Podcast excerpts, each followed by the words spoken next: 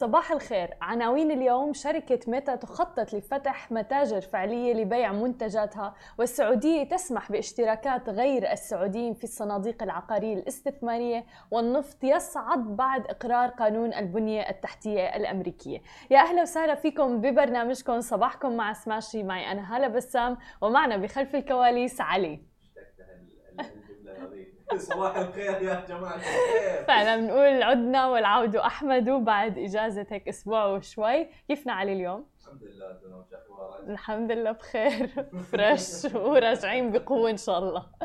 خلونا نبدأ أخبارنا اليوم ونحكي عن عالم التكنولوجيا وتحديدا الآن عم بتناقش شركة ميتا اللي كانت تعرف سابقا باسم فيسبوك بفتح متاجر البيع بالتجزئة للمرة الأولى لها حيث تتطلع إلى اقتحام ميتافيرس. وذكرت أيضا بعض المصادر إنه المتاجر اللي التي ليس لها تاريخ افتتاح محدد رح تسمح للشركة بعرض أجهزة مثل سماعات الواقع الافتراضي أدوات المؤتمرات عن بعد اللي بتسمح للأشخاص بالدردشة عبر الفيديو عبر فيسبوك.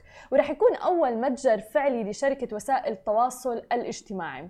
وبتأتي أخبار رؤية الشركة بعد حوالي أسبوع من تغيير فيسبوك اسمها إلى ميتا وقالت أيضا إلى إنه عم بتحول على التركيز إلى بناء عالم افتراضي أو مثل ما شفنا وأعلنت سابقا عن الميتافيرس حيث يمكن للمستخدمين التواصل الاجتماعي وأيضا العمل وأيضا اللعب كله من خلال الميتافيرس. وتشير خطط البيع بالتجزئة إلى إنه ميتا بحاجة إلى وجود حقيقي في العالم لعرض ما يمكن أن تفعله في العالم الافتراضي. وتبيع الشركات العديدة من المنتجات اللي يمكن أن تسمح للعملاء بتجربتها شخصيا. وتمنح سماعات للرأس من الواقع الافتراضي رح تكون أيضا موجودة اللي هي معروفة باسم أوكولوس كويست بالإضافة إلى ذلك رح يتم تغيير علامتها التجارية إلى ميتا كويست بالإضافة إلى ذلك هي رح تخلي الناس آه، رح يكون عندهم فرصة لرؤيتها آه، رؤية ميتافيرس قبل ما يقرروا الشراء. وطبعا هذا بيلعب دور كبير بالموضوع وبخيارات الشراء. وبتبيع الشركة أيضا أجهزة دردشة الفيديو على فيسبوك Portal واللي يمكن تغيير علامتها التجارية أيضا إلى Meta Portal. تم بيع كلاهما بالفعل في بعض مواقع البيع بالتجزئة مثل Best Buy وغيرها من المواقع الأخرى. لذلك آه، عم نشوف أنه شركة فيسبوك أو المعروفة الآن بشركة ميتا آه، تبحث عن وجود بعالمنا الواقعي لحتى تشجع العالم على شراء أدواتها اللي رح تخليهم يستخدموا العالم الافتراضي بشكل يومي. علي شو رأيك بهذا الموضوع لما بتصير شركة مثل العلاقة بمواقع التواصل الاجتماعي، مثل ما بنعرف مواقع التواصل الاجتماعي هو عالم افتراضي، يصير لها آه، متاجر فعلية على أرض الواقع مشان تشجع العالم يشتروا أمور لها علاقة بالواقع الافتراضي. هو شيء حلو إن مارك زكربرج ذكي انه دش في هالمجال. صحيح. خاصة في في ال VR خاصة الحين اكسبو 2020 صحيح. آه، معظم الأجنحة آه، في في الاكسبو حاطين يعني حاطين أو في فكرة ل VR أو مستقبل التكنولوجيا فاحس مارك زكربرج وايد ذكي من ناحية إنه ياخذ platform أو منصة على ال social media تماما.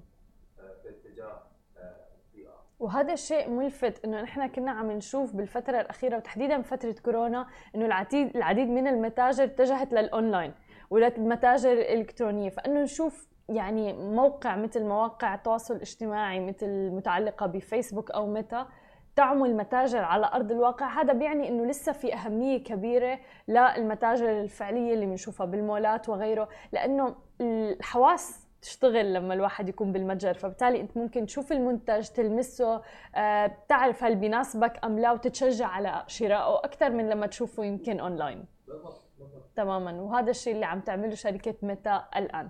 خلينا ننتقل إلى العالم المالي وتحديدا إلى المملكة العربية السعودية حيث قالت هيئة السوق المالية أنها الآن عم تسمح باشتراكات غير السعوديين في الصناديق العقارية المستثمرة داخل حدود مدينتي مكة المكرمة والمدينة المنورة. أعلنت هيئة السوق المالية السعودية مثل ما ذكرنا أن سمحت لمؤسسات السوق المالية قبول اشتراكات غير السعوديين في الصندوق العقاري واللي بيستثمر جزء أو حتى كامل أصوله في عقار واقع داخل حدود مدينتي مكة المكرمة والمدينة المنورة.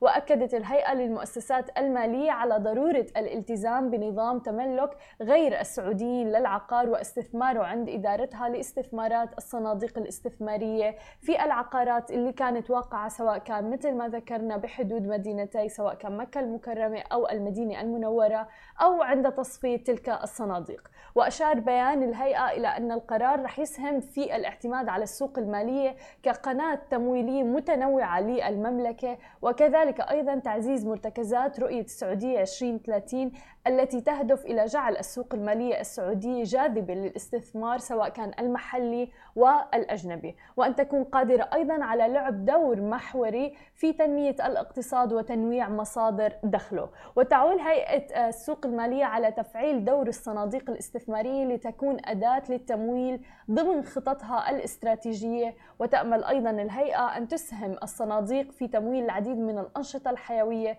سواء كان في الاقتصاد مثل القطاع العقاري التمويلي أو قطاع الشركات الصغيرة والمتوسطة اللي الآن منتعشة بشكل كبير في المملكة العربية السعودية بالإضافة أيضا إلى أنشطة أخرى مثل أعمال إعادة التمويل وغيرها. وهذا الشيء رح يساعد بشكل كبير تنويع المصادر الدخل للاقتصاد في المملكة العربية السعودية.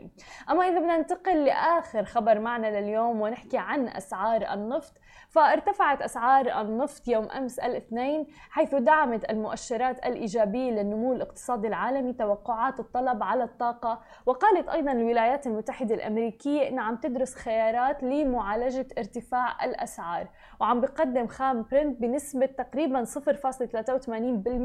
ليستقر عند مستوى 83.43 دولار للبرميل الواحد بعد انخفاضه بنحو 2% الأسبوع الماضي. وارتفع أيضا الخام الأمريكي بنسبة 0.81% ليستقر عند 81.93 دولار للبرميل الواحد بعد ما انخفض بنسبة 3% تقريبا خلال يوم الجمعة.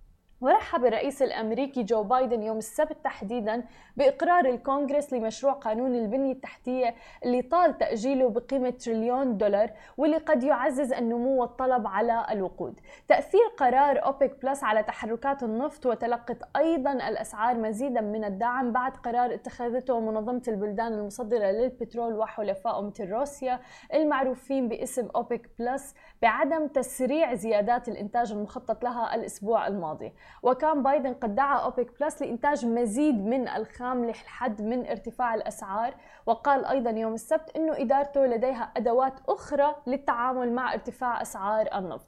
طبعا نحن عم نحكي عن ارتفاع أسعار النفط الآن هي فوق ال 80 دولار للبرميل الواحد. بالفترات الماضية كانت ما بين 69 68 إلى تقريبا السبعينات للبرميل الواحد ولكن في ارتفاع كبير عم نشهده الآن.